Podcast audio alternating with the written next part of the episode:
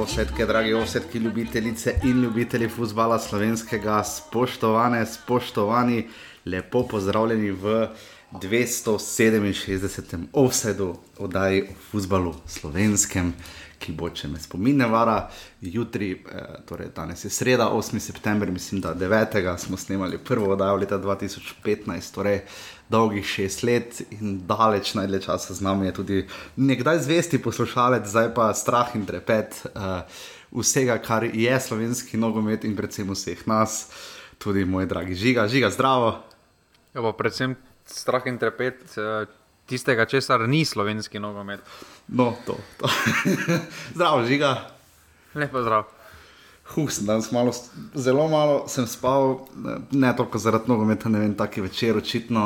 Um, o moj bog. Uh, slovenska reprezentanca je odigrala tri tekme, kot smo tudi prejšnji ponedeljek napovedali in šli skozi spisek v sklepnem delu oddaje. Um, igrala je relativno malo, uh, doma je remisirala Slovaško, ena proti ena, prejšnjo sredo. Uh, na to v soboto uh, premagala um, Šmalto um, z golom Lovriča iz 11 metrov, ki še eno je zapravil. Uh, Andraš Porar, uh, Petr Stanovič je zabil slovaški tisti zadetek za ena proti ena, in pa potem smo seveda vsi čakali, uh, kaj se bo zgodilo na poljudu. Uh, nekako se je tudi risalo, da bo to tekma, ki bo marsikaj povedala o zmožnostih slovenske reprezentance in uh, Huh.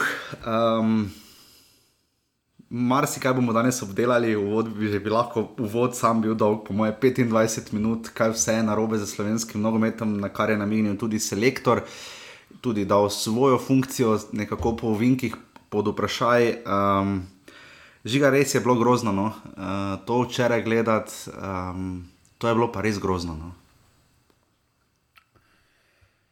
Pa kaj naj rečemo? Zdaj, uh, zabavno je, da akteri, ki so sicer na igrišču, pa so v veliki meri odločilni za to, kaj se dogaja, uh mhm. -huh. ponujajo svoje glave na pladnju, medtem pa ko funkcionarji, uh, ki so pripeljali slovenski nogomet v ta položaj,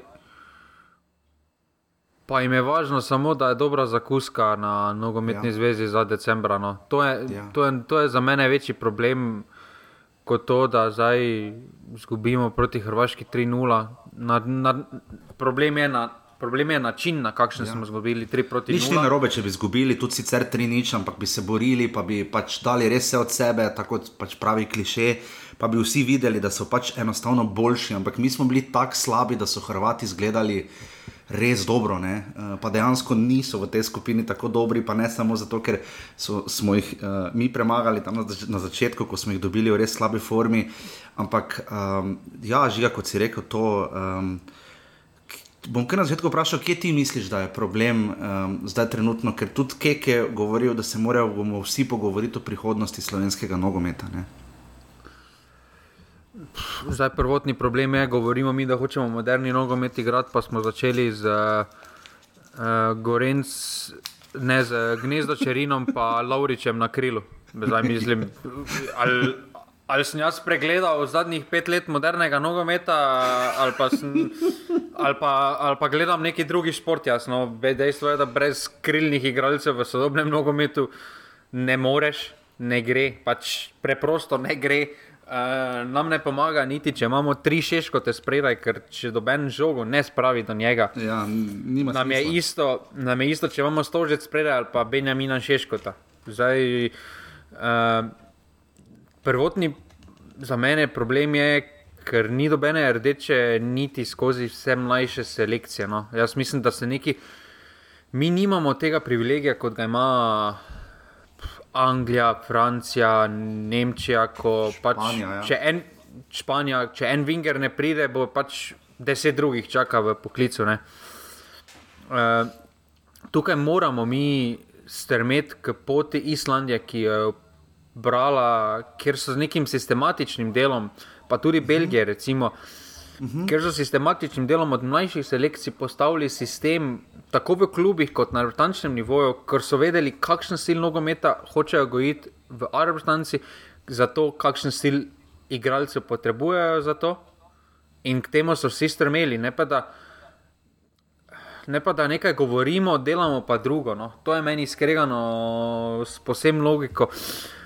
Potem meni je tudi posebno skregano z logiko, da na funkcije za mlajše trenere postavljamo Popolnoma za odgovorne funkcije, ljudi, ja. popolnoma neizkušene ljudi. Uh, sploh za U21, za 17, pa 19, še nimam problema.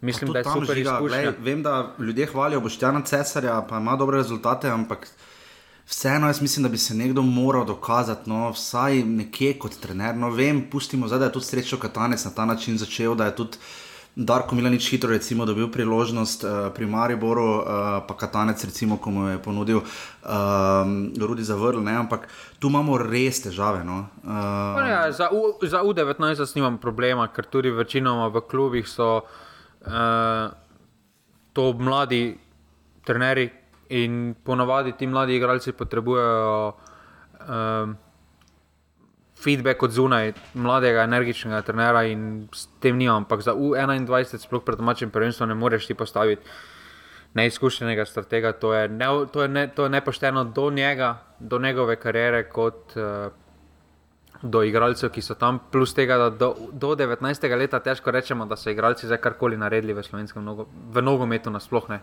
V U21 pa se že drugače lahko pogovarjamo. No. Ampak se pravi, potem pa pogledamo, pa prijemo do, do srca tega problema. Pravim, jaz, mi, jaz mislim, da tukaj nogometna zveza se mora pogledati v gledalo, se mora vprašati, zakaj je, zakaj je tu. Um, super, pa prav, da zdaj uh, Arabstanca potuje, se pravi, potuje z letalom v Split, potuje uno, potuje to, pot, ima vse super in prav, ampak poskrbi najprej za mlajše. Uh, jaz vseeno, pa ne, pa, ne, pa ne samo mlajše. Problem je, ko, go- ko govori nogometna zveza, da se vladamo. Mladi, nogomet- ja, vladate samo v, rep- v Reptancu, v U19, v tistih 20 fantov. Pri 17 letih iz ne vem, 500-600 fantov, zdaj pa reči, zdaj pa nas samo teh 20 zanima, je zelo nepošteno. Ja, in tu so te zadaj te menedžerske mučke, v katerih um, jaz se vedno tako, da vzamem z malo kančkom dvoma, ampak vendarle potem s časom vidiš, da nekatere stvari pač preprosto ne štimajo, da se vrtijo relativno ena in ista imena. In da po eni strani selektori, selektori tu govorim tudi o Sreču Katancu, ne, ki je nabiral res široki zbor, ne mislim, da je 62 igralcev takrat zbral v svoji drugi eri uh, za reprezentanco, tudi Keke, zdaj že mislim, da kar pri konkretnem številu veliko se rotira, res da se je reprezentančni nogomet spremenil v smeri, da je, so kval- kvalifikacije bolj kompaktne. Uh, To absolutno, ampak se žiga absolutno strinjam. Pač jaz mislim, da na nogometni zvezi trenutno um, tako oddaljeni, kot so vsi ti sodobni pri, prijemi, plakati, reklame, uh, Twitter akcije. Jaz mislim, da prvo, kaj morajo narediti, mislim, prvo, 68. stvar pomembnosti trenutno, tako, tako grozno slab uh, hashtag, kot ga imajo, s katerega so se še včeraj novinari na poljudu uh, delali, ne ravno norca, ampak so dali hashtag srce ne bije. Ne? Uh, že bilo ni, kaj prida močno, zdaj pa še srčnosti ni. Ne? Pa, Ker se mi zdi, tako kot si rekel, sodobni igralci, igrali no, moderni nogomet z gnezdo, pa Lauričem na krilih, ne pač kek je sestavil pač zelo kompaktno postavo, bom tako rekel, ne, ampak zato pa ni čudno, da so pač Hrvati nas stiskali, da je Periš izgledal komesi za Stojanoviča, ne, um, da so nas tako stiskali in ko pravijo ni kemije, ni to najbolj žalostno, tisto, kar je Jan Oblak rekel čisto na koncu tiskovne konference. Ne vem, če ste si jo pogledali uh, na polju po tekmi, ko je rekel, da se morajo fante pač med sabo zmeniti in pogovoriti, ali mislijo, kaj narediti, ali pa pač hodijo samo zato, da ne bo, da, ne bo kdo rekel, da niso prišli.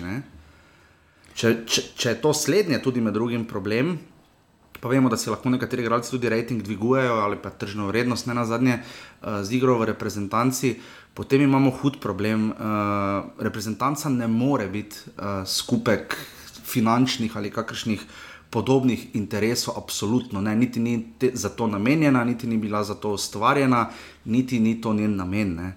Um, in žiga tu imamo. Um, Res ta ena tekma je razgalila toliko težav, ta neborbenost, ta uh, brezbrižnost. Meni deluje NZS kot pač dostopen bankomat, tisti, ki so blizu, uh, se znajdejo, so veseli, bojo rekli, kako je vse super.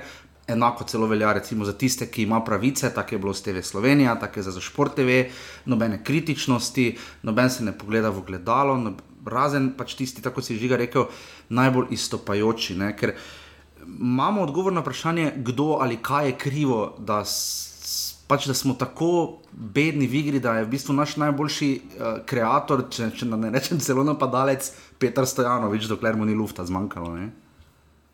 Pa jaz bi še tu dva druga problema izpostavil, zakaj pa ta pol pridemo postopoma. Prvi en problem, ki ga vidim, je še, da nogometna zveza ne kaže dobenega interesa, da bi vrnila organizirane navijače Slovenije na domače tekme.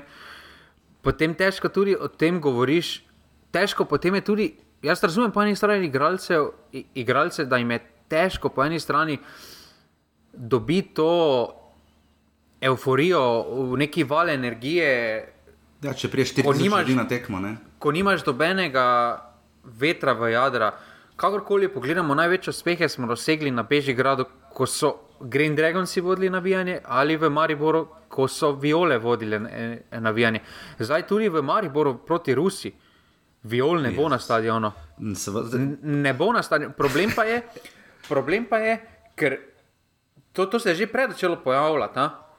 Je to zdaj Problem že trajalo? V bistvu več časa, nimamo, več časa zdaj nimamo organiziranih navijačev, kot smo jih imeli, ne? ker je to že zdaj ja, ampak, traja, ja, ampak problem je, ki se je začel, da organizirani navijači, ko je še šlo za klubske stvari, so bili največje zlo. Vsi predsedniki so govorili, da so to huligani, da so to ne vem kaj, da to škoduje samo nogometu, da to ne spada na nogomet.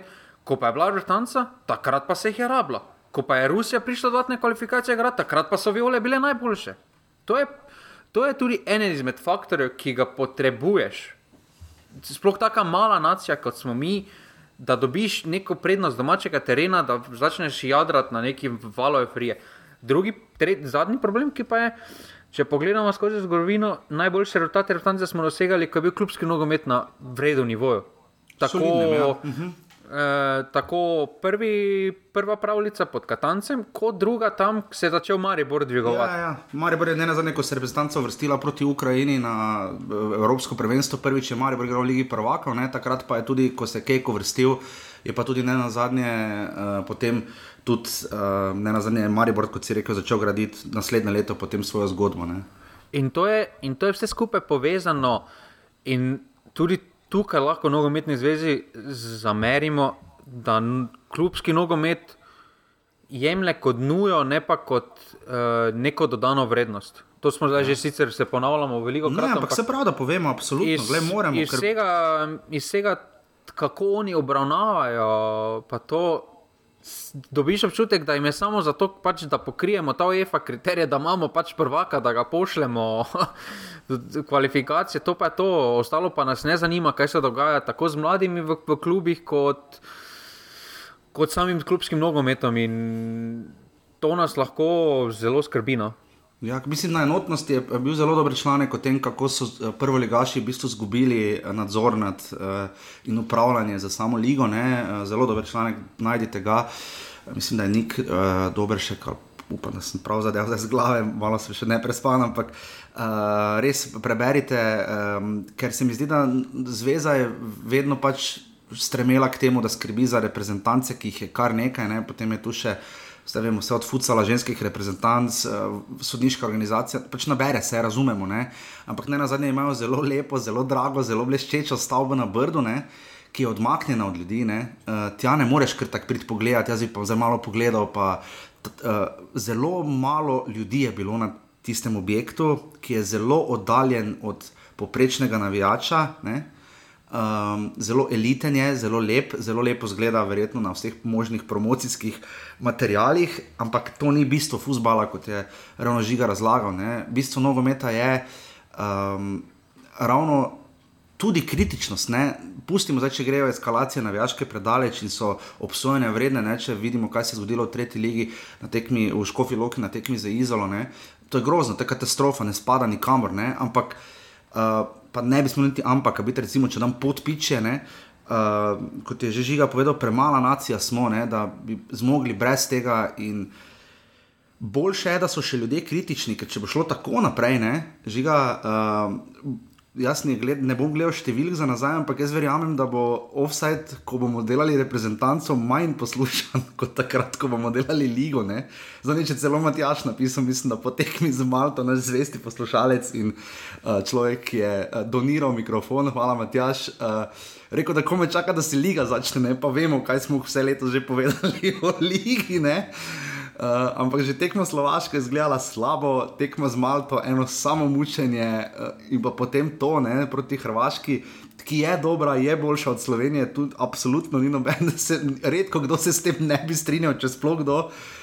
Ampak res, da pridemo do točke, ne pravimo z žigo, zdaj, da je absolutno vsega zveza kriva, ampak je pa pač tista, ki z reprezentanco upravlja, njena je, ona sprejema odločitve, ima izvršni odbor organe, sekretarja, predsednika, ki bi se zdaj moral recimo oglasiti.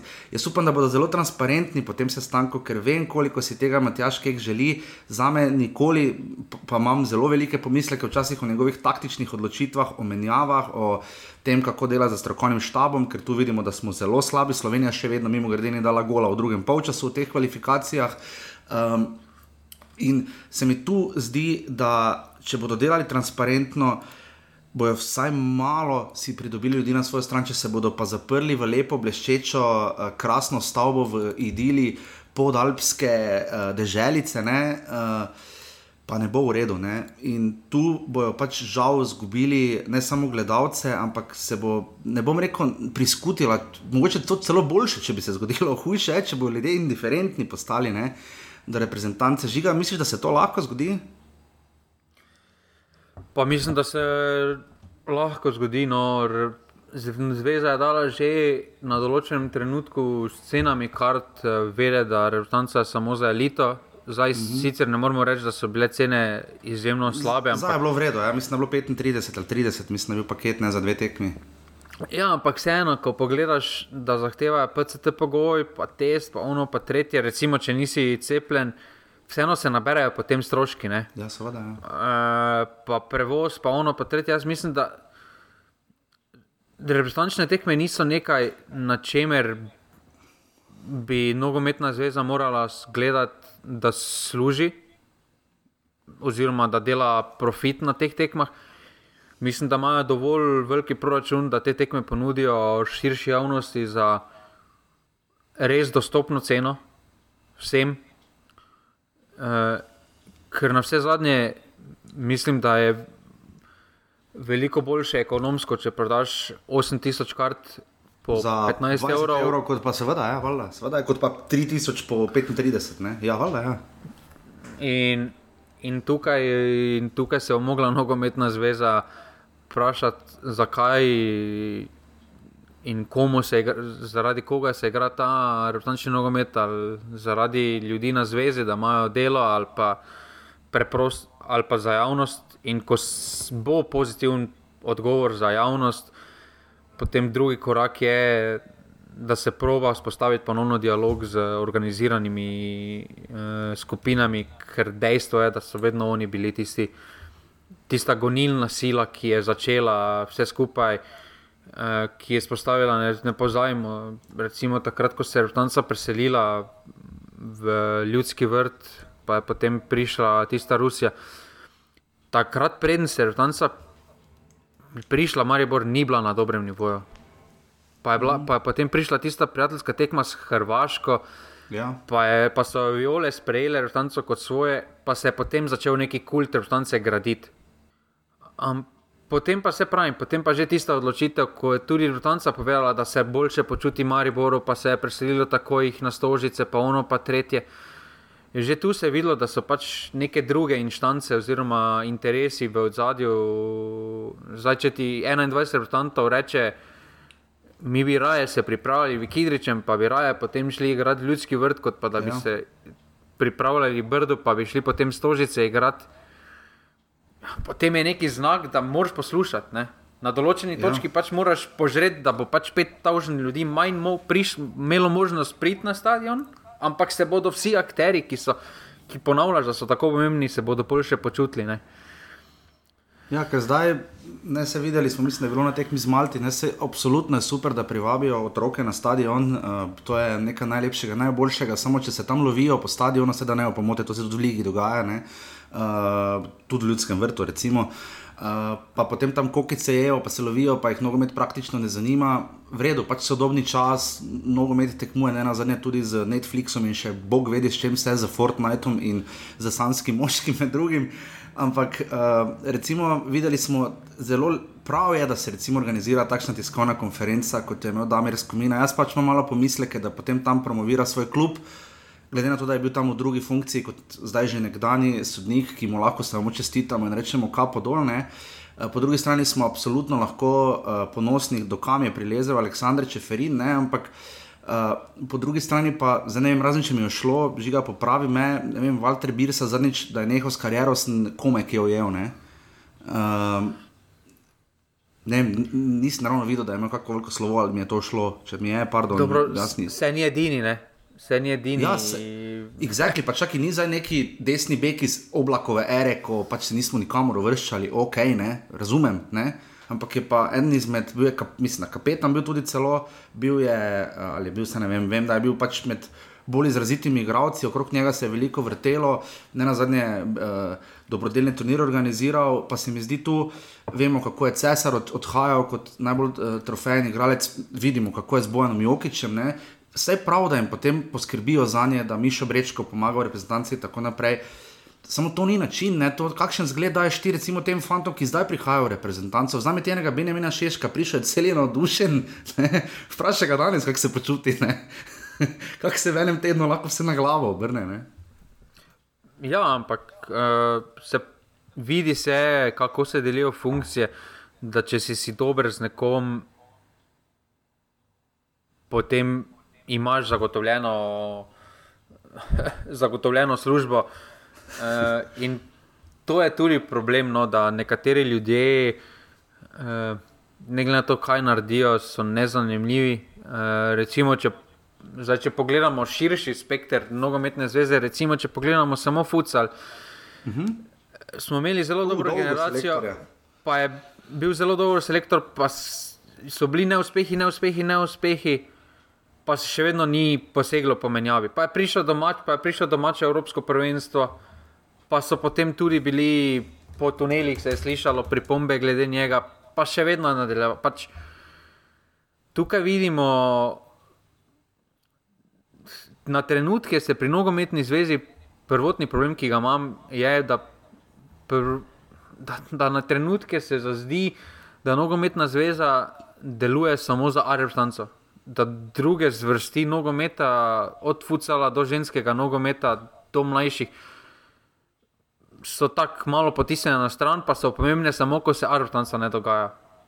Ampak tam se začne, v mlajših arbitrancah se začne graditi kult arbitrance pri mladih, da bodo vedeli, zakaj prihaja arbitranca, da je zastopanje za državo čast, ki, ne, ki jo moraš šteti kot privilegij, ne pa kot dolžnost. Ja, tu mi morda žiga za uvod, pove, ta, ta, veliko se pogovarjamo o. A vhoče? O, ja, to je še vod, ja. Mislim, vod, vse bomo potem na hitro analizirali tekme. Ampak um, zdi se mi, veliko se govori, pogovarjamo si o kemiji, o vzdušju, o tem, da morajo igralci narediti faul več, da bi kekrat videl malo več borbe. Um, to so ne taktične stvari. Ne? Jaz ne verjamem, da kot trener lahko rečeš, mislim, kaj boš rekel, statistično, idi pa naredi šest faulov, ne, ne moreš naprej tega predvideti, ne, ne gre, ajde zgrabi ga, vredo, kaj pa če hitrejši tebe, da ti vlovil ne boš. Ne? Ampak. Um, To zgraditi se mi zdi uh, ravno zato, ko pravim, ta slovesa, ki so, ko bodo tudi to malo na zvezi poskrbeli, saj ne rabi vse biti tako, nekaj moraš organizirati formalno, razumem. Samo ali imamo čisto formalno, pa je to neki Excel, te bela PowerPoint prezentacija in 17 sestankov, na katerih to na zvezi preštudirajo in vse naredijo po reglih, kot je prav in kot se v sodobnem poslovnem svetu normalno in vsi to razumemo. Ampak ne, če potem izpade plastično, sterilno, oddaljeno od ljudi, To pa nima smisla. Ne? In tu vidim, se mi zdi glavna težava. Ti kemije ne boš zgradil na plakatu, na, na reklami, na, na ne vem kje. Ne bo se to zgodilo, Abs ne bo, ne? s hashtagom zagotovo ne. Čeprav je pač recimo, vem, moj tim, recimo, sjajen hashtag v tem uspel, ne?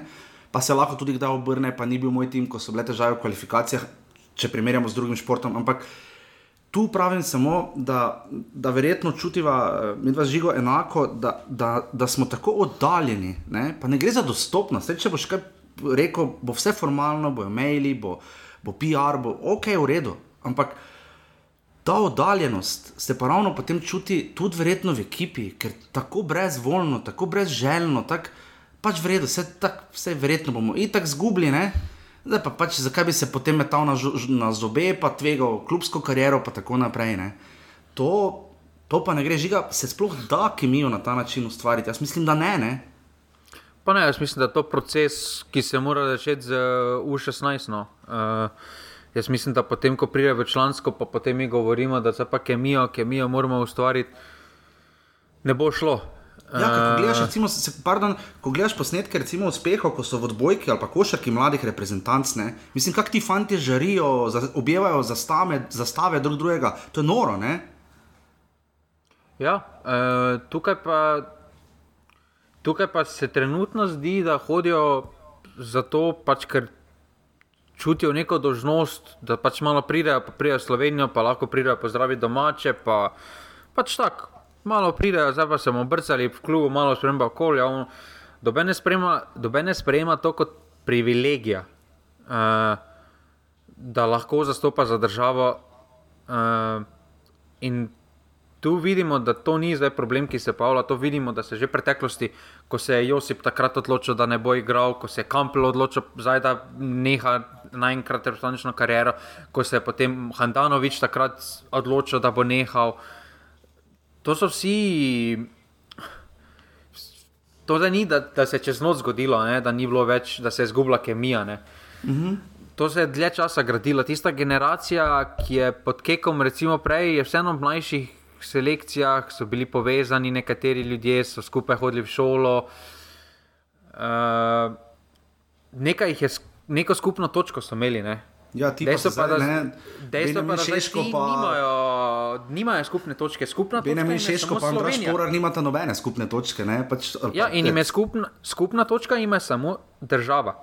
In ja. tukaj v slogu, v stilu vzgoje države bi morali več postoriti, uh, definitivno, ampak to, samo, to, to pa ni zdaj samo, da na tem se pravim, to pa je potem tudi več zmesine, da uh, imaš navijaško podporo, da si malo bolj dostopen do ljudi, ono pa tretje.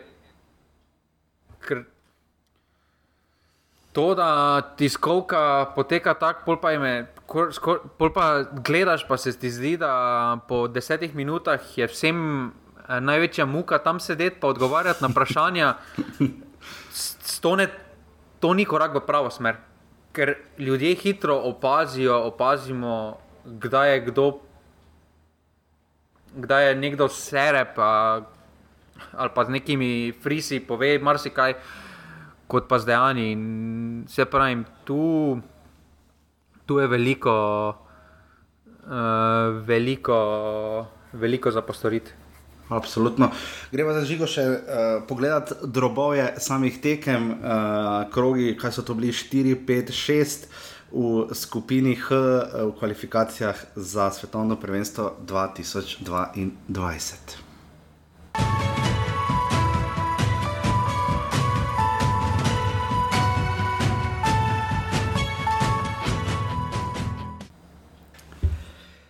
Um, žiga, analiza, kaj bi pokazala. Um, imamo kar bizarno gor razliko, 4-7 po sedmih krogih, um, relativno dosti preti golo, pač za vse je proti Hrvatom ti tri nabrali, imeli smo po petih krogih 4-4.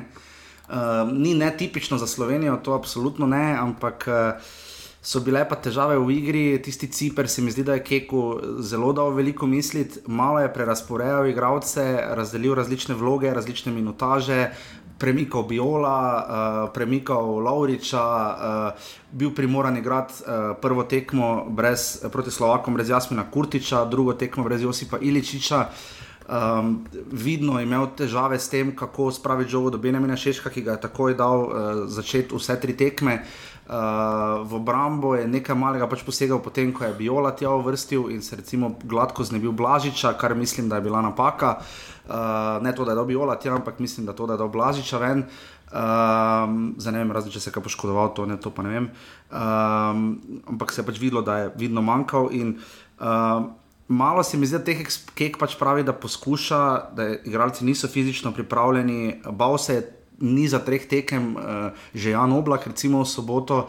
Uh, in potem se je to videlo. Uh, najbolj ga je nastradal Petr Stojanovič. Uh, tu mislim, da bi Skubic lahko igral malo več minut, če že bil morda tudi v tem problem za Albi Perišič, Bugega Petra Stojanoviča, ki je bil vseeno naš najbolj istopajoči igralec, recimo proti Slovaški. Ali bi ga dobro menil, ali, ali bi Perišič še vedno potem rolal Stojanoviča, ne vem, ne? Uh, verjetno bi ga, ampak um, iz vidika selektorja žiga veliko poskuša, Matjaš Kek, nekaterim uh, zaupa, zelo mu je všeč, očitno Sandy Laurič. Uh, prav tako Mevlja, recimo, uh, enako velja za Balkoca, Stojanoviča, delno absolutno tudi Iličiča, uh, Češka. Veliko menja, ampak žiga ne zna se odločiti ne za taktiko, neko konstantno, vse so različni tekmici, vem. Uh, Eh, ne za postavitev, ne za praktično nič. Recimo, če pogledamo postavitev proti Slovaški, pa potem proti Hrvaški, je kar precej drugače. Ne? Je tu kek storil napako. Pa, tež, težko zdaj. Povedali smo, povedali smo že pred začetkom, da zdaj pa res imamo spisek, ko. Ja pač težko najdeš boljše, težko najdeš bolj primerne, trenutno, ki bi si zaslužili poklic, uh, poklic na uh, poklic vrtanca. Prej bi, prej bi lahko rekel za nekoga, da si ne zasluži poklica, recimo Šporar, Zahovič, ja, kot pa ja. za nekoga, ki ga je kek spustil, pa ni bil zdaj na širšem spisku. Mogoče edino Kauter.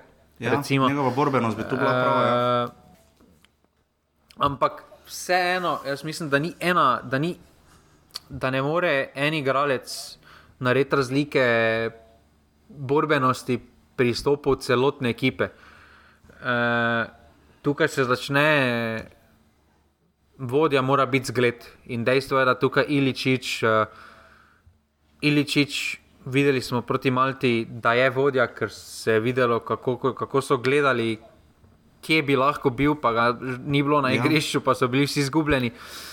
On bo moral prvi meri spremeniti, pa se sprijazniti, da kdaj pa kdaj ne bo mu vse šlo, pa ne bo dobil žoge. Ampak pa mor, mora, mora pa v tistem trenutku biti zgled na drugačen način. Mislim, v Atalanti tega ne dela, no? tako tak bom rekel, vse kolikor jaz berem ja, in spremljam. No? Ja, ampak Atalanto ne moreš imeti, da imajo ja, 11. Raz, Vem. To je top igralcev, mi tu nimamo. To je problem biti, cele reprezentance, ne? noben ni nosilec. Mi moramo biti atletiko. Atletiko Madrid, mi moramo biti, recimo. Ja. Ne? Ker, ja. Ne vem, če niti primerno, da mi provamo gojiti moderni nogomet. Če mi zdaj ne. rečemo, da bomo igrali moderni nogomet, ker jaz mislim, da bomo mi dobili od velike večine tudi srednjeevropskih držav pogrbi. Pogajbi, ja. Ja, se strinjam, mi moramo igrati grozno nogomet, Bun, ne bunker, ampak taki borbeni, raztrgan, 40 falov na tekmo, fusbalno. Mi moramo, mi moramo igrati to, kar smo igrali proti Hrvaški, recimo, na, dom, na prvi tekmi. Ja. Uh, ker so se vsi metali na glavo, zdaj pa problem pa je, ki ga. Vprašanje, ki se pri meni pavlja, pa je, zakaj na enih tekmah smo sposobni to pokazati, na veliki ja. večini pa ne. To je tudi uh, sploh, na, sploh na tistih tekmah, kjer kjer mogoče imaš občutek, da bi se dalo. Ker recimo ja. na prvi tekmi proti Hrvaški, doben ni pričakoval nič. Do, doben, ono, nič, nič, nič, nič. Pol pa, pol pa nam je uspelo. Je enako, enako takrat mislim, da je bila Poljska takrat, uh, ja. v prejšnjih ja, pa, kvalifikacijah. Ne? Pa Izrael skupaj v paketu. Ja. Ja, recimo, tam se tudi ni pričakovalo nič, ampak se je naredil neki presežek. Zdaj pa na tekmi, kjer pa se je pričakovalo, da se lahko, oziroma da se mora, Slovaška, Malta, pa tudi ta. Zdaj, pa, pa ni bilo tega. Zdaj tudi Hrvaška, kakorkoli pogledamo, če, si, če smo gledali na prvo tekmo, si mislil, pa po oni prvi tekmi smo se pogovarjali, da če njim zameš modriča, da to je sred, ekipa srednje, srednjega ranga. Da, da ne morajo brez njega. Takrat vemo, kako je izgledal, recimo, modrič napram ostalim. Mm -hmm. Zdaj pa, pa, pa spet prideš, pa ne pokažeš niti kančka željeno. To je največji problem, ki je, se pravi, ni zdaj sramota zgubiti v splitu 3-0, ker so tudi večje reprezentance padale, 3-0 v splitu, pa večji klubi. Ampak sramota pa je na kakšen način smo izgubili 3-0. To pa je velika sramota, ki ne more biti dobenemu od igralcev v ponosno. Ne, ker realno smo bili zreli za več kot 3-0, brez Jana Oblaka na golo pa tudi malo sem pogledal posnetke tudi samih golov, recimo reakcija Stojanoviča, že ko je tam šla žoga v prečko, uh, pa je potem uh, padel uh, prvi gol, ki je zabil uh, Livaja, ne, uh, kaj bila ta tudi 33 minuta, ne, že so že kar obupali, ne, naši so že kristali, ne, kot da ono, se, če ne, tako ali tako bomo slejko predobili gol, ne. Oblak je tu bil edini res, res na nivoju, no. um, se mi zdi, no. Um, mali preblisk mi je dal neko upanje borbenosti, mogoče Balkovec, pa nisem njegov fan, ne? ampak v smislu tega, da se je pač probo vse nekako zoprestaviti, pa narediti ostalo, je bilo pa vse.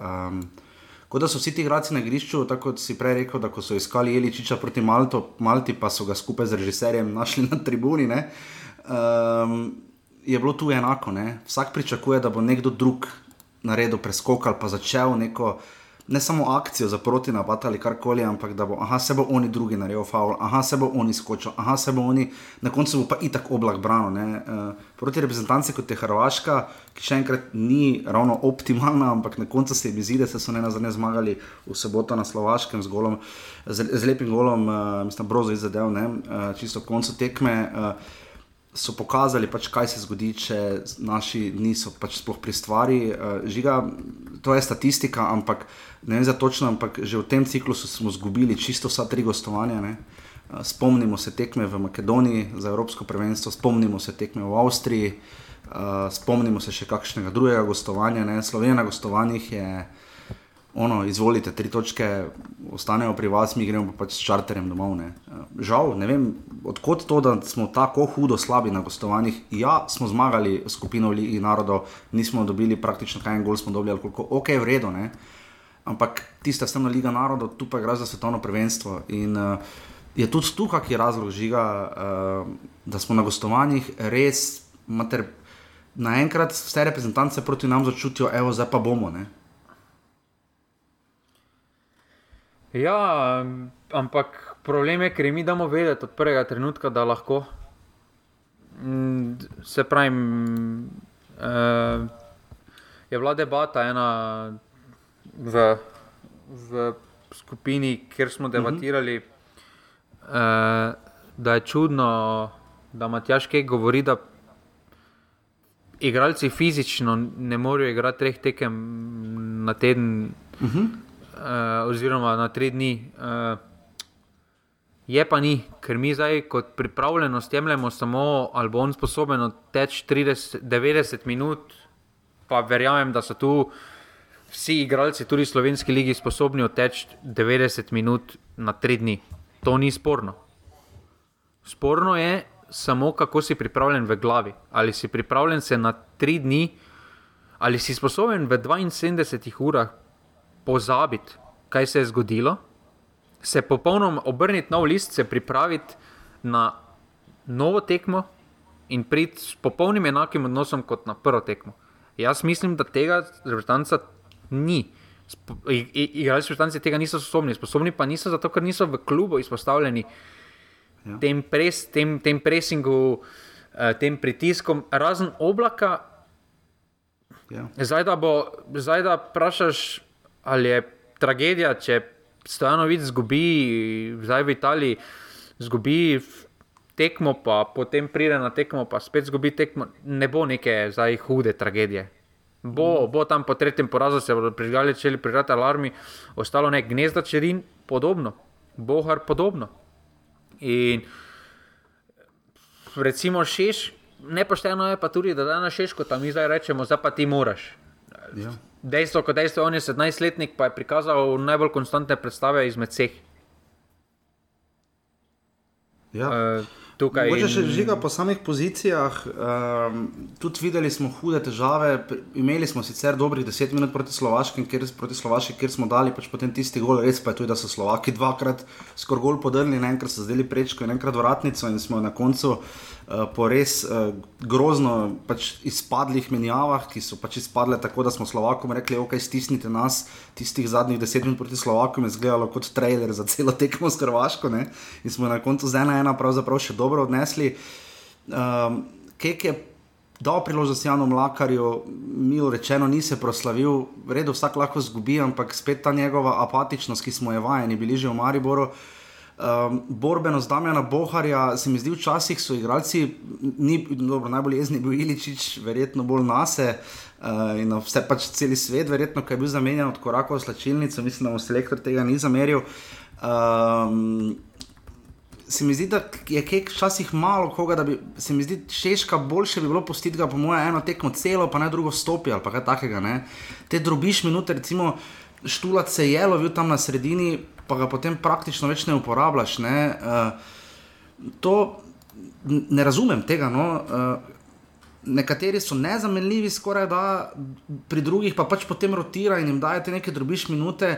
Se mi zdi, da nam tu celo teh možnost petih menjav celo škodi ne, na nek način. Glede na to, da nismo dali gola v drugem polčasu, da smo vedno padli ob koncu tekme, da, da če bi še Malta igrala 10 minut, se mi zdi, da bi imeli vse še en kakšen dober predložek, da smo imeli en strel ob dveh penalih, torej tri strele v okvir gola proti Malti. ne. Uh, žiga, je tu, koliko je tu selektorjeva stvar, stvar igralcev, tega, kar smo vodoma govorili, kaj bi tu rekel, zakaj smo tako brezzobi, anemični. Igramo na, če nam rata, bincni žogo, pa gledaj, mogoče pa ga damo. Tak, v tem smislu se mi zdi, da igramo. Ne? Pa tukaj mislim, da mešanica vseh. Jaz mislim, da, da, se, da se mi prehitro kot ekipa vdamo v sodo, ko vidimo, da nam nekaj ne gre, ali pa da če nimamo dneva. Uh, pač se moramo sprijazniti kot ekipa, da bodo trenutki, ko bomo mogli potrpeti, pa bomo mogli trpeti od prve do zadnje linije. Uh, da bomo mogli laufati za žogo. Bodo pa trenutki, ko bomo mi imeli žogo, pa moramo takrat vsi uživati v tem, ne, ne bežati od odgovornosti. Uh, poleg te reprezentativne akcije bi še jaz izpostavil, jaz mislim, da Biol uh, je dobro odigral. Ja, zelo. Mm. Zdaj težko rečeš, da je slabo. Uh, mislim, da se pravi. Dejstvo pa je, da vse skupaj, vse se začne na igrišču in konča z vodjo. Uh, vidimo v drugih športih, uh, pa zdaj, če smo hashtag moj tim, ne, uh, vidimo, ja. da Luka Dončić se bo vrgel v tribune za žogo in bo dal tem, tudi če bo izgubljena žoga, ampak s tem bo dal vedeti ekipi, da se mečejo na glavo za vse. Pa če že drugi ne upajo metati, bo pač on raje sedem trojk mimo vrgo. ne. Pač, Ja, ampak ne bo bežal odgovornosti in bo šel na glavo za vsako žogo. In, tudi po, in je tudi pripravljen 40 minut igrati na tekmo. Zdaj, pač, jaz razumem tradicionalno miselnost, da ne moreš graditi okoli Golmana. Ne? Ampak, žiga, ko zagusti, vem, da pač je bil Golman, ne more gola dati, ne, razen, ajde, kaj že, ali so ne, ajde, vreda, se zgodi. Ampak, uh, ko pogledaš, ko nam zagusti, ko veš, zdaj pa ne rabimo, da reši situacijo, res da samo v obrambi. Se podzavestno, vsaj jaz, ko gledam tekme, zanašamo, ne ono vse pa bo oblak rešil, ker je Iber super, dober gol, golman, kar itak je. Ne? Ampak v- verjameš mu, potrudi, vse on je, on ima te karakteristike, ko si govoril recimo o Dončiću. Če je pa je da Golman, ne? ampak se mi zdi, okoli njega psihološko gledano bi morali graditi. Vsaj jaz bi to videl, vem pa, da je bolj tihe sorte, da, da ni naravni neki lider, uh, da so to pač nekoga rabijo, ki bo izskočil. Josip Iličič to nikdar ni bil.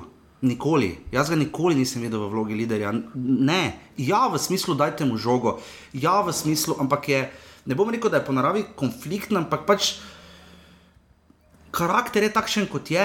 Ne, bom, ne bi rekel, da je muha, pač včasih je zelo samozavesten, včasih mu morda to malo manjka. Ampak se mi zdi, da če bomo iskali Iličiče tako ali tako že v določenih letih, tudi njegova forma, to, kar smo lahko vse prebrali, to vsi smo opazili, da ni v top formi. Uh, je potem žiga rešitev, da bi gradili to okrog vse psihološko gledano, okrog oblaka, ali kaj naj naredimo, ker nimamo ne glasnega, nimamo Simeoneja v selektorju, ne? Nimamo uh, enega to branilca, ki bi kričal. Uh, vsi ti fanti so prijazni, vredno, ampak ni pa, ni pa enega, ko pa veš, ko bo pa, ko bo pa faul, pa ko bo pretep. Kurti, če bi bil recimo še edini taki, se mi zdi, ko bi nekomu fotocen stisnil, drugega pa ni, kaj naj tu naredimo? Težko je, da, težko je, da hočemo graditi okolje oblaka, ne. vseeno je vratar, ni pa je v polju. Uh, dejstvo je, da je najbolj primer, da ima največ izkušenj s stopni voja. Uh, s pritiski, vidi se tudi, da ga ni strah uh, pristopiti na novinarsko, ker v preteklosti, recimo, ne, je oblak bil tudi, se po slabih tekmah se hitro znal odmakniti. Uh, uh -huh. Ali potem ni prišel nekaj časa na zbor, uh, ja. ali sploh ni, ali, ali ni hotel odgovarjati na vprašanje novinarjev, zdaj pa se vidi, da je, da je, da je spremenil razmišljanje in dojemanje njegove vloge, in je brez problema prišel na novinarsko konferenco in je povedal svoje mnenje, in to je zelo iskreno. Uh, uh -huh. Ampak jaz mislim, da v prvotni meri tukaj moramo najti nekega liderja ali v obrambi ali v zvezdni vrsti, ki bo povezal vse te linije, ki bo vzor, da se bodo metali vsi na glavo. Samo kdo bi to bil? Jaz mogoče vidim Petra Stojanoviča, ne vem, iz glave razmišljam. Pa ja, samo polje spet desni bek, ne. Mislim, ja, pa dobro. Je... Zdaj, zdaj mora biti attacking on... midfield. Ja, ne, ne, jaz mislim, da centralni branilec ali pa uh, vezist tukaj, neka glava ekipe, mora biti vseeno tam. Stojanovič je energičen igralec, ki bo vedno dal na vsako minuto, ki bo na igrišču podal svoj maksimum. Dobro, zdaj blasfemično za mariborske poslušalce, ampak celo Andraš Porar bi tu lahko bil, uh, po karakteru, ko ga ima, ker vemo pač, da če se je kdaj, če, če, če mu je do česa mar, potem je pripravljen vzeti tudi mikrofon v roko. Ne? Ja, ali pa Instagram pa slikati. Uh, ampak. Vse pravi, jaz tu mislim, da bi ol, upam, da res se utrdi in jaz mislim, da bi lahko bil on neki temeljni kamen v prihodnosti, z, potem pa imaš še kot ta spreda in podobno. Ker vseeno ima te karakteristike, mm. ni zdaj vokalni vodja, ne moreš reči, da se zdaj dere, pa ono pa tretje, ampak z dejanji na igrišču pokaže, pokaže svoj odnos, pokaže svoj pristop in je vodja z odnosom, ja. s pokazanim. Eh, in tukaj tukaj je mogoče dodana vrednost, bi lahko bil v prihodnosti.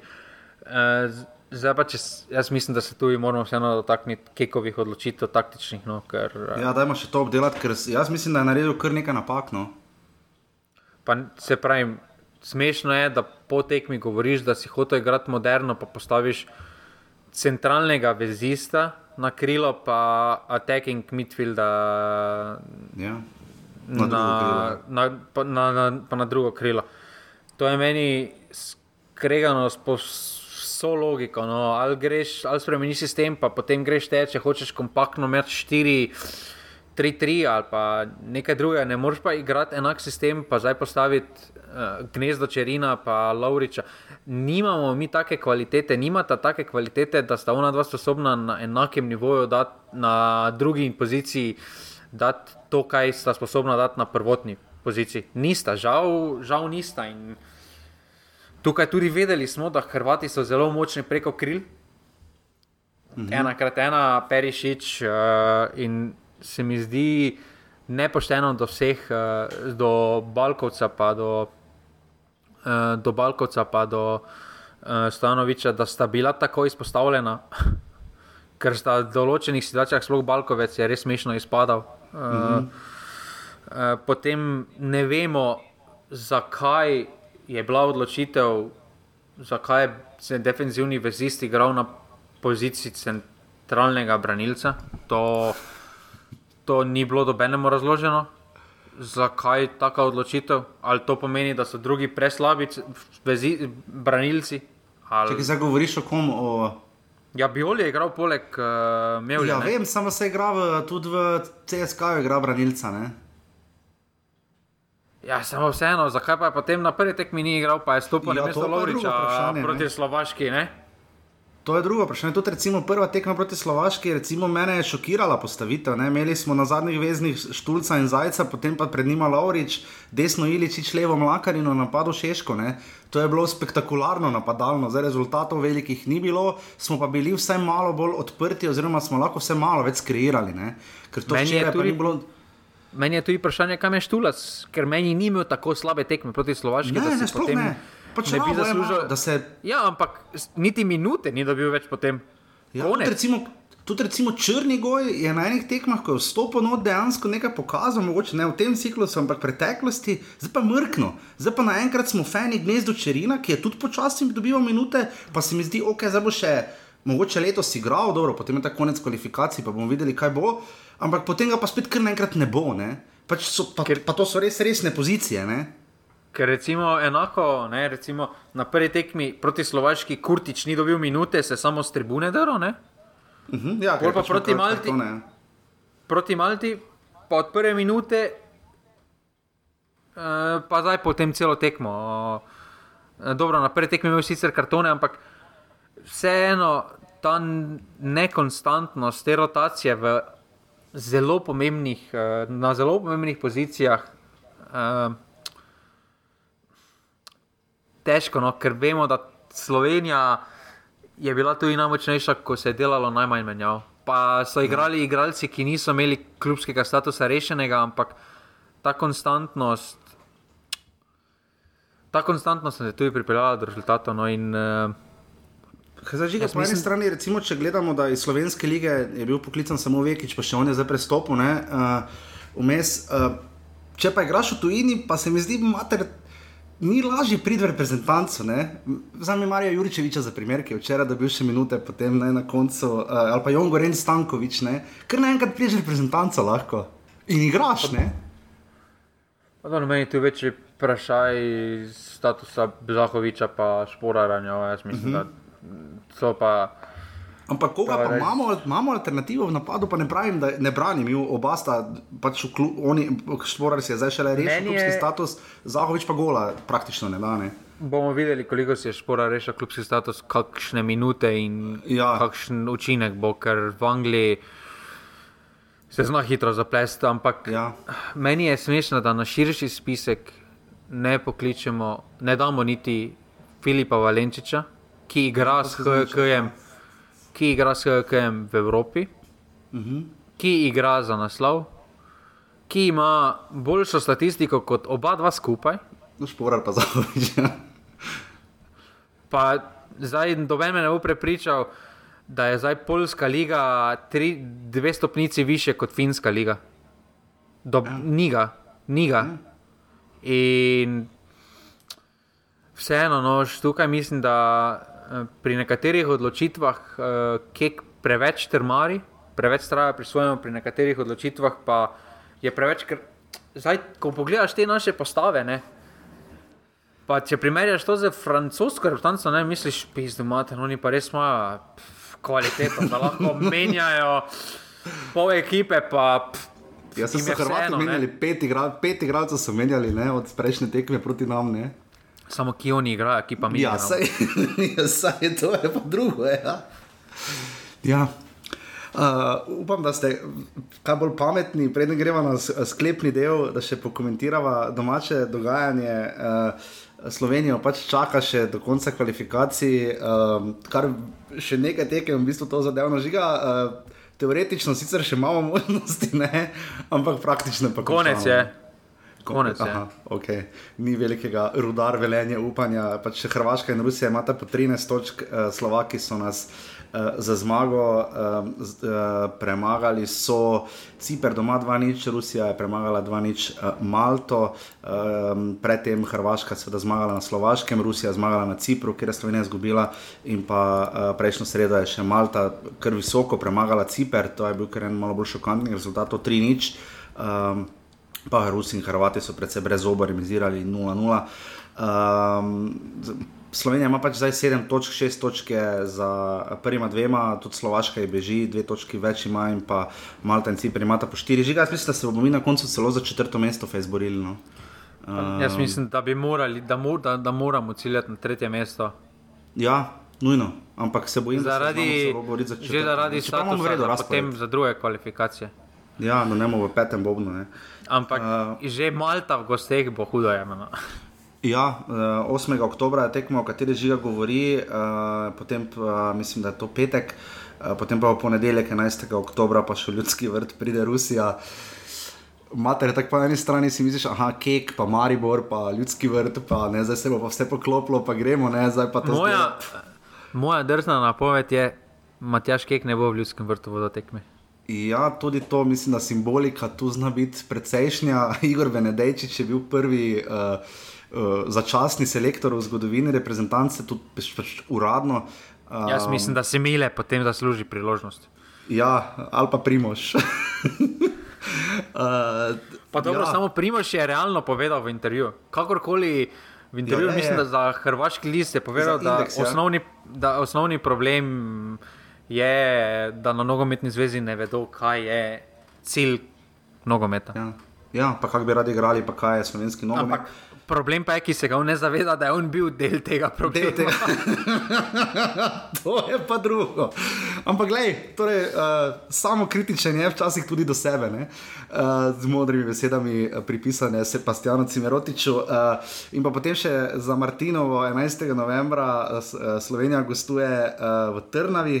Mislim, da smo tam na zadnje že igrali za Slovaško. Uh, potem pa še domača tekma uh, ob treh popovdne, uh, 14. novembra, uh, Slovenija, uh, Ciper uh, in potem bo konec kvalifikacij žiga. Danes bo znano, morda kaj več, ampak ja, za konec, uh, morda bi ste morali začeti. Ampak glede na to, da noben trener še ni zapustil slovenske lige, bi zdaj bilo kar bizarno, če bi menjali selektorja. Uh, problem, je, problem je, ker ni.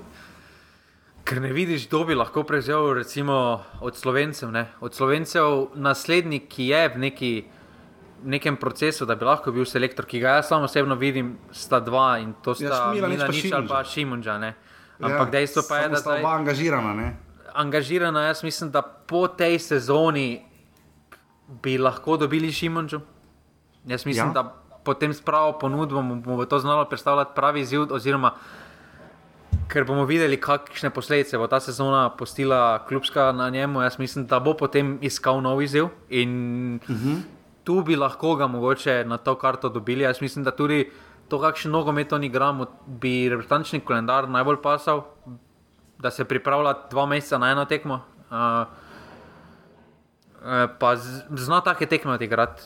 Jaz mislim, da, tu, da je potem tu prvi kandidat, on če se zgodi kakršna koli menjava. Ampak to se problem je, da bi, da bi potem bil komaj dostopen maja. Ne?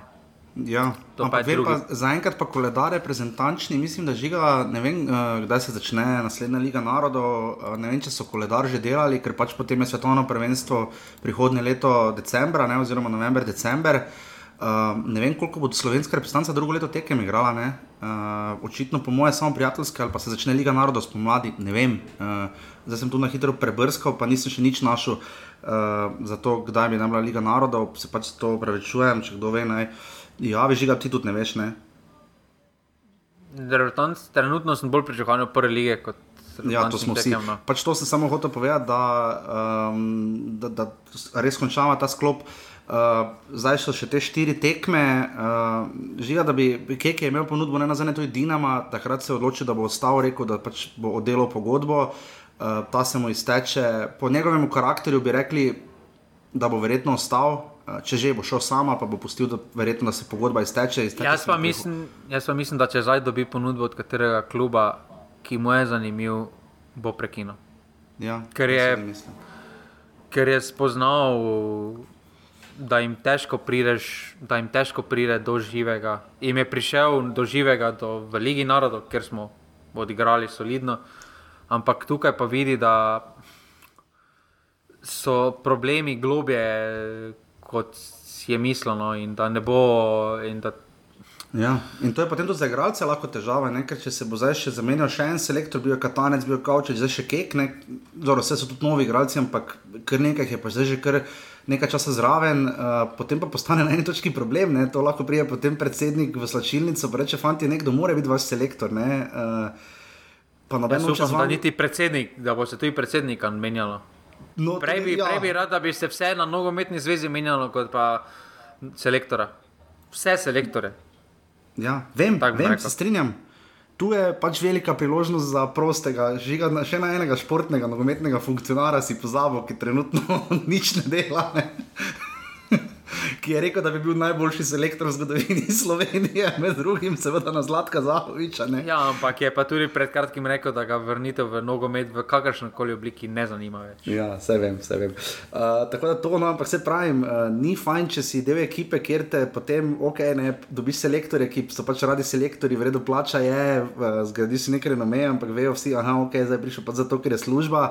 Verjetno ni fajn biti v takej ekipi, ampak gledaj, mogoče pa se obrne, pa se uh, iz tega, kaj naučimo, pa če res nihamo, ne? če bomo ciljali vedno na Ligo narodov, ne pa na kvalifikacije, ne bo vredno, ker pogledi Keka uh, v Skopju, Nikozi in pa zdaj na polju. Do, So res enaki in vsi uh, res grozno zaskrbljeni, tako da Dostojevski bo tem tri romane napisal, ampak kakorkoli že. Uh, Um, ciklus se potem nadaljuje, torej oktober in pa še novembra, Slovenija ima štiri tekme, držimo pesti, da bomo res napadali tretje mesto, oziroma predvsem, da se reprezentanta sestavi in da odgovori na vse tisto, kar se je povedala v, po mojem, najdaljšem uvodu v zgodovini.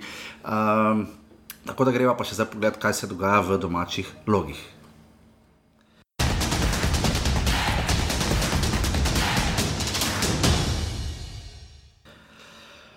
Um, Ja, preden žiga pač, da pove svoje vzajemne denarnice, ven rubriko, v kateri napoveduje tako katastrofalno, da glava boli. Žiga, vsi trenerji so ostali, ne? to se je spremenilo. Ne, ne, ne, vsi trenerji so ostali, ampak menjal pa se je pomočnik. To je zdaj že uradno? Pa zdaj že v, že na časniku je. Uh, v Mariboru, ne? V Mariboru je pač pričakovali smo, imeli smo tri kandidate za trenerja, kdo se bo menjal. Potem pa pomočnik. Sam kaj misliš, da je zdaj to možnost, da se je prej sva govorila, nekaj sem te mislil vprašati, če bi šel v reprezentanco ali misliš, da bi ga Mila nič zraven vzel. To je idealna priložnost, da se, da se kaj, da bi Gajser, on šel, si vrne. Da bi on šel, ne, Gajser ima službo, pa se ja, ima. tekmo. Ne, to je zdaj, to je zdaj kontra, ekvek bi lahko, da pomočnik gre v tanco in glavnega trenerja pripelje sabo. No, to, to. Ali pa tudi to, da pač enostavno pomočnik enega Maribora mora biti Saša Gajser, noben drugi ne zmore te funkcije. Ja. Jo je redefiniral na novo. Uh, Gajcer je seveda del ekipe uh, Pafosa, ki je kar dobro začel prvenstvo na Cipru. Um, ja, tako da trenerja nismo nobenega menjali, žiga, kar nekaj prestopov je bilo, to, uh, to smo zgrešili. Jaz sem prejšnji. Ja, pa tudi en neuspel prestop je bil. Ja, tudi to. Jaz sem prejšnji intervju z Markom Šulerjem na Marijo 24, ne vem, če ste brali, uh, sem kar nekaj stvari izvedel. Uh, tudi to, da so v Ljubljani prezeleni, da bi izpeljali prestop Andreja Kotnika v Olimpijo, o katerem že govori, meni je to, da so prezeleni, res lep izraz, uh, kar je pač kar absolutno drži v takšnem in drugačnem smislu. Uh, sicer pa žiga, uh, res so se vsi pulili za Narina Molohusenoviča, ne mislim, pulili. Uh, velika želja Mure je ja, bila in so ga naposled pripeljali. Ne? Kot kaže, ni bil tako tražena roba, kot so v Kopru prodajali zgodbice. Ne? Ker če je bil tako tražen na roba, ne bi šel v Muro. Z vsem spoštovanjem ne bi šel v Muro. Ne. Kaj ker... to pove žiga v naši ligi? Gre zdaj, ne, mislim, če gledamo tri leta nazaj, za Maribor je bil preslab, Mura si ga pa kot prvak želi, ne, pa v Kopru je bil zelo dobrodošel. Ne? Jaz mislim, da v Kopru je bil dobrodošel tisti nogomet, ki je igral pod Severničem. Zdaj uh -huh. se je mhm. videlo, da Koli je veliko bolj primeren, tudi ja, veliko hitrejši. boljše tekme so odigrali z njim jaz mislim, da za to, kaj mora potrebuje, oziroma za sistem, ki ga goji, zna biti zelo soliden slovenski napadalec v slovenski ligi. Jaz pa mislim, da pa bo, če pa, pa mora hotla spremeniti, pa bo hotla malo moderno igrati, tam pa se bo zgubil. Dejstvo je, da ni najbolj okreten, da ni najhitrejši, da opravlja zelo dobro delo, da, spušča, da igra s hrbtom proti golu in spušča žoge levo, desno to upravlja odlično, zakaj več, pa mislim, da ni. No, uh, zdaj, se pravi, da če bi imel neke aspekte modernega napadalca, uh, modernega napadalca, jaz mislim, da ne bi pri.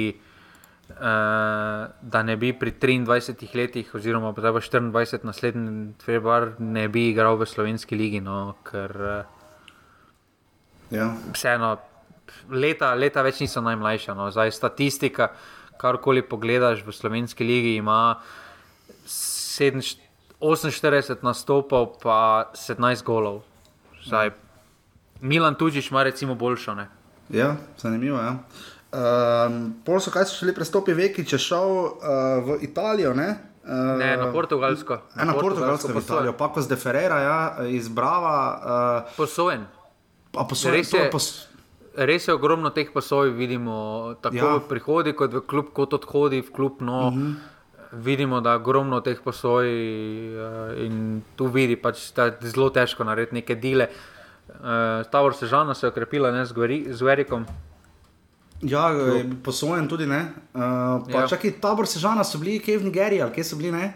Najbolj, to pa je, to pa je gostovanje, gostovanj. To pa, je, to pa ne moreš premagati, tudi če, recimo, tudi če, bi, če imaš v Champions League skupino Barcelona, Bayern, uh, pa rečemo še potem. Ne, nekaj Angleža. Me, Manchester United, recimo, da imaš te tri stadione, ne moreš premagati gostovanje v Nigeriji, ne moreš premagati. Greš, Pa še zgubili so, ne? greš, greš med pripravljalnim obdobjem odigrati. Ja. tekmo v Nigerijo proti Shooting Stars. To je, to je gostovanje, gostovanje, res.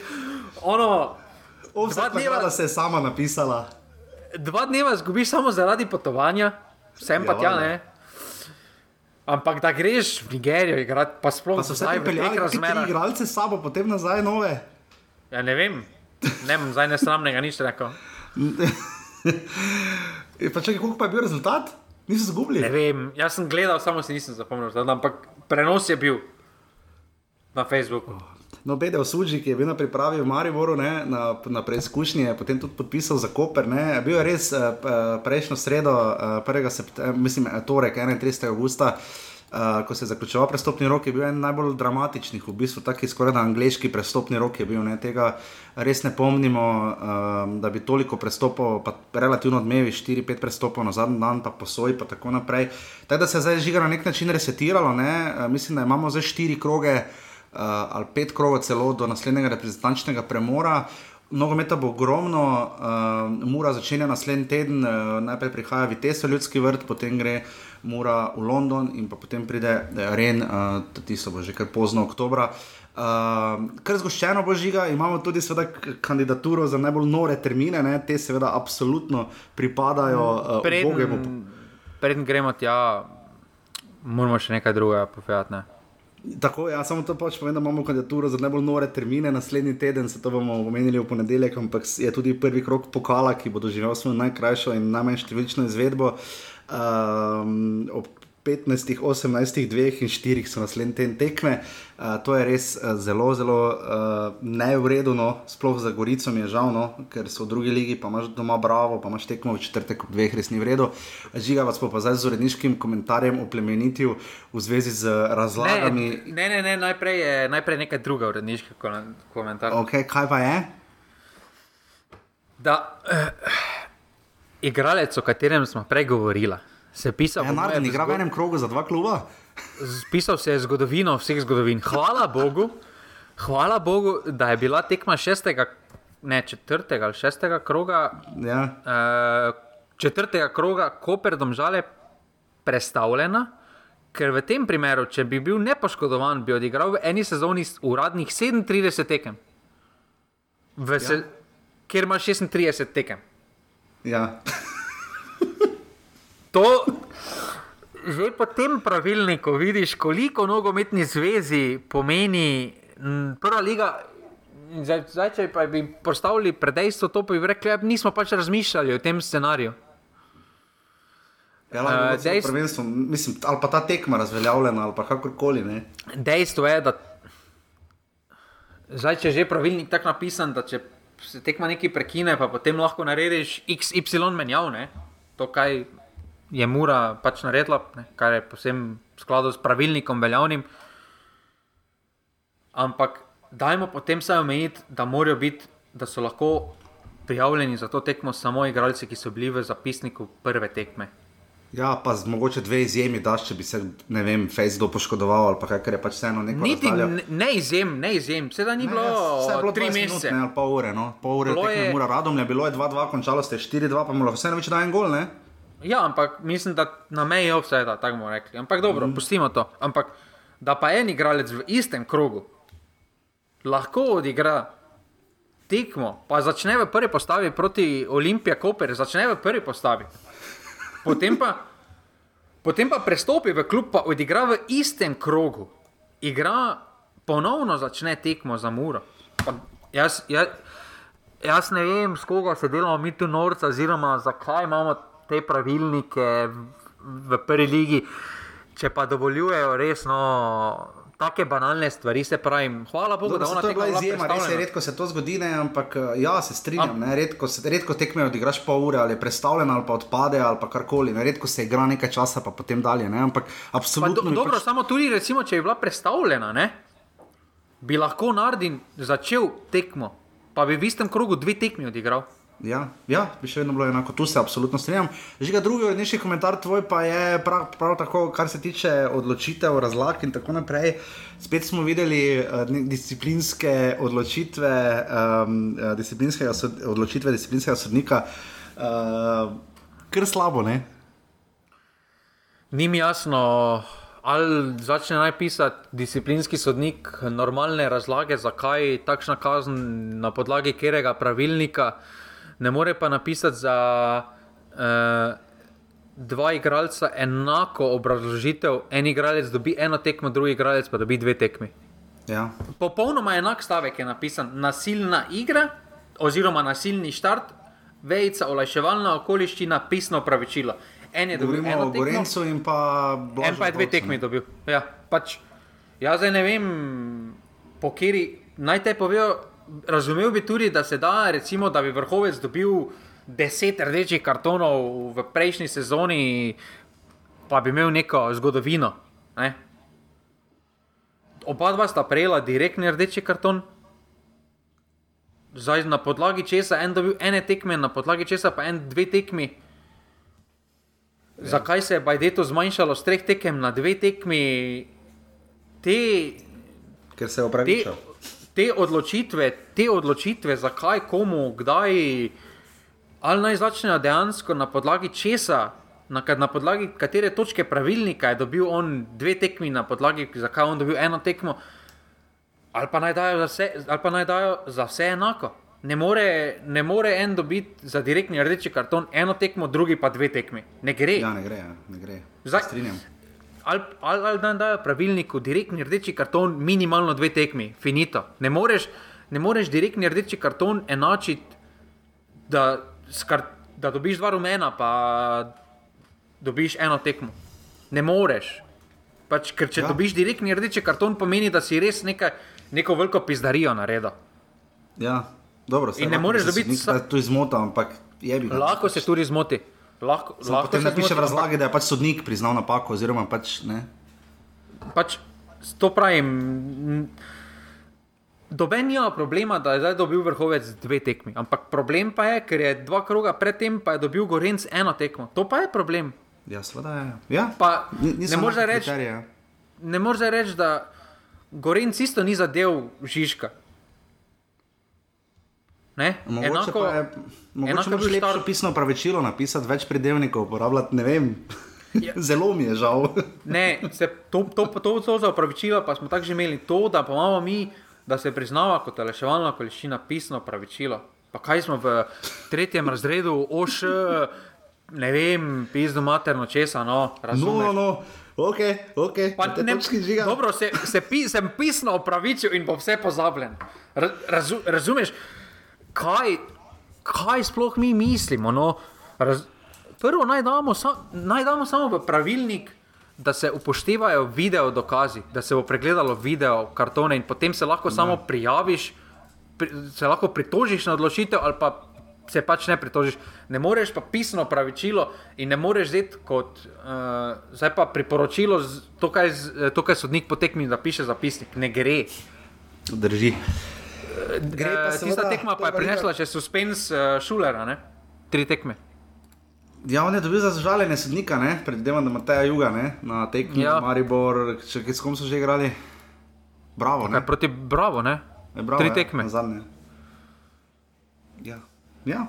Kar je, Grozno. kar, je tudi, kar je tudi kar huda, da direktno tri tekme, ker ni imel dobene prejšnje zgodovine, ne, suspenzije. Ja, me zanima, kaj bo res- ta jug dobil, ki je sodo proti portugalski, mislim, portugalska Irska ali portugalska Wales, ali kaj je sodo. Uh, um, mislim, na portugalska Irska je sodo. Ja, uh, kakšno kazen bo pa gospod Jug dobil, spoštovana zveza, ne? Spregledal je čisti penal. Ne? Zdaj vsi dobijo kazni, do, zdaj bo spet zgledalo, ker je to Maribor. Ne, ok, v redu, če so oni dobili svoje kazni, bili so grdi, bla bla bla, delali napake, ok, v redu, dajte jim kazni. Kakšno kazen bo dobil Matej Jug? Če bo dobil, če bo Matej Jug, zdaj nisem pogledal, ali bo že ta krok sodil, ne? Me zanima, kako pa te jug komentira to, da ni dosodil čistega penala. Ne? To bi radi vedeli. In če bo dobival za nagrado nadaljne tekme, kaj potem s tem sporočate? Aha, ko sodniki delajo napake in jim ti kaj poveš, dobro, od zdaj naprej bojo še pa tisoč evrov morali plačati po novem, če bo šlo to skozi. Ne? To pa ne gre, ne, ne moremo, ne gre. Ni, ni, ni, razumem, da so sodniki eh, izzeti, da so svoje vrstni arbitri, da imajo drugačno vlogo, ampak ne gre, ne morejo biti izzeti, ne gre. Če naredijo oni napake, morajo tudi odgovarjati. Torej, naj Strinjam, na, jaz, eh, Navaru je, Navaru je ta, ta, ta, ta krok. a navaro je, no vidiš, lepo, v sobici pa par sto evrov, pa gremo, ne? Ampak, pač ne gre. Dajmo, Žal. ampak dajmo potem. Dajmo gremo razlago slišati, korak- da je jug ne bo sodel dve tekmi, ker je zajebal penal. Ne? Eh, ja, pa dajmo, dajmo, jaz mislim, da bi vsi akteri na igrišču bili, vseh klubov bi takoj podpisali. Dajmo sodnike zvočiti in poslušati potem 90 minut žaljenja, Njihovo komunikacijo je. komunikacijo z igralci, z sklopijo. Dajmo potem to poslušati. Če, če, če se jim ne sme nič povedati, če je problem pri tem komunikacija, po, po tekmi, ampak jaz mislim, da vsi funkcionarji imajo enako komunikacijo s sodnikom po 90 minut, ko, ko poslušajo 90 minut takšne komunikacije. Pač žal te privede sodnik v, do tega nivoja, da si prisiljen uporabljati tako komunikacijo. Ne pravim, da je pravilna.